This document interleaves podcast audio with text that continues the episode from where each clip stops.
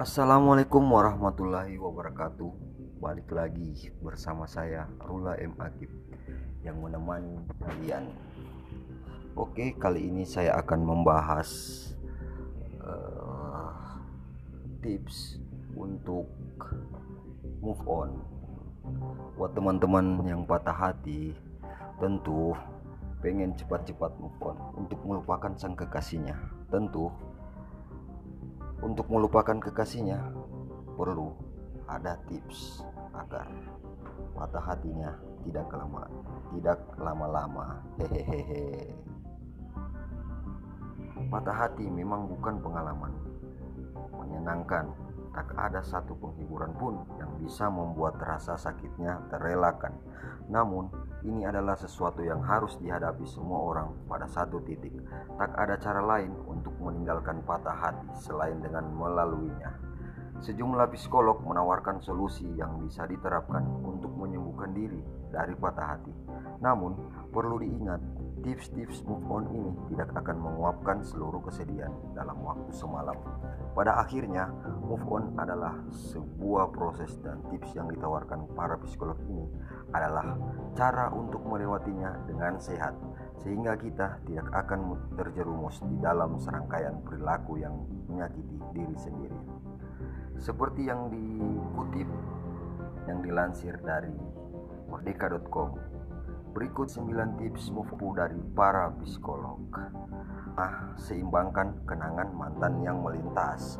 Setelah putus, pasti kita masih teringat mantan. Namun, Hui Wins, psikolog yang menulis buku How to Fix a Broken Heart mengingatkan agar setiap kenangan yang muncul di dalam benak tidak berat sebelah. Kamu perlu memastikan setiap pikiran tentang mantan tetap realistis dan tidak berat sebelah. Jelasnya seperti dilansir Independen. Jika pikiranmu memunculkan momen-momen bahagia kebersamaan kalian saat weekend, kamu perlu menambahkan momen-momen weekend yang membuatmu marah dan benar-benar sedih. Jangan kepoin media sosial sosialnya. Tidak perlu mengecek media sosialnya. Cuma akan memperkuat kehadirannya di dalam benakmu. Akibat semakin sulit bagimu untuk berhenti berfantasi tentang dirinya dan hubungan kalian yang sudah kandas. Stop mempertanyakan kenapa hubungan kalian berakhir. Tidak perlu terus-terusan mempertanyakan kenapa hubungan kalian berakhir. Ini hanya akan membuatmu terus-terusan menjadi tokoh utama di dalam hidupmu. Terima saja kenyataan apa adanya. Bercermin kepada pengalaman. Buatlah daftar apa saja yang seharusnya tidak pernah kamu lakukan, tetapi pernah kamu lakukan demi dirinya. Ini akan membantumu untuk melihat hubungan kalian dengan pandangan yang lebih jernih. 5. Lakukan hal-hal menyenangkan meskipun tidak ingin.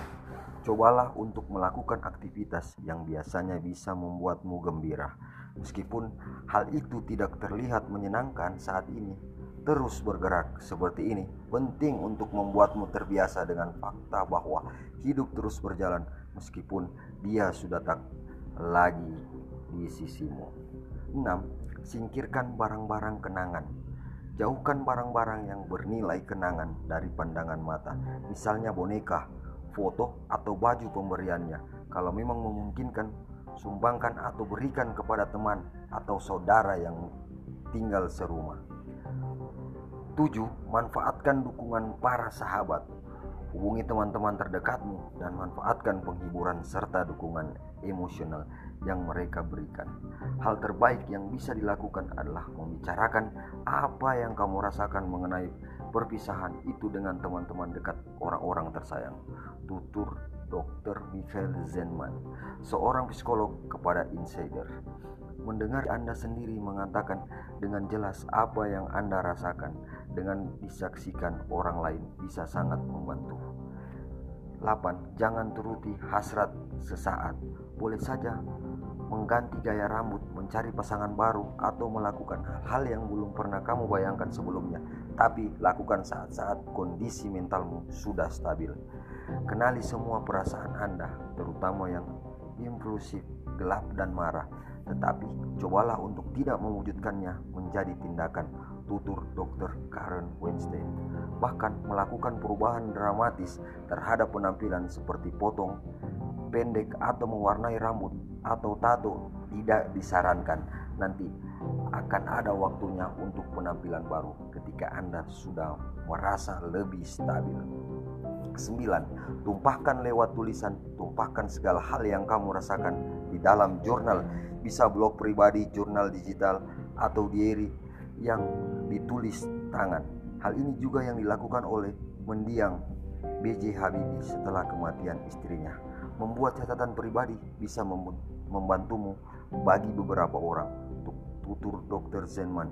Saya sarankan catatan pribadi saja karena membawa perasaan-perasaan ini ke media sosial bisa memanaskan situasi. Mungkin membuat banyak orang menyerang mantan secara terbuka di dunia maya. Terasa melegakan dalam jangka panjang. Hal seperti ini tidak akan membantu proses penyembuhan Anda. Itulah tips-tips move on ampuh yang disarankan oleh para psikolog. Terima kasih.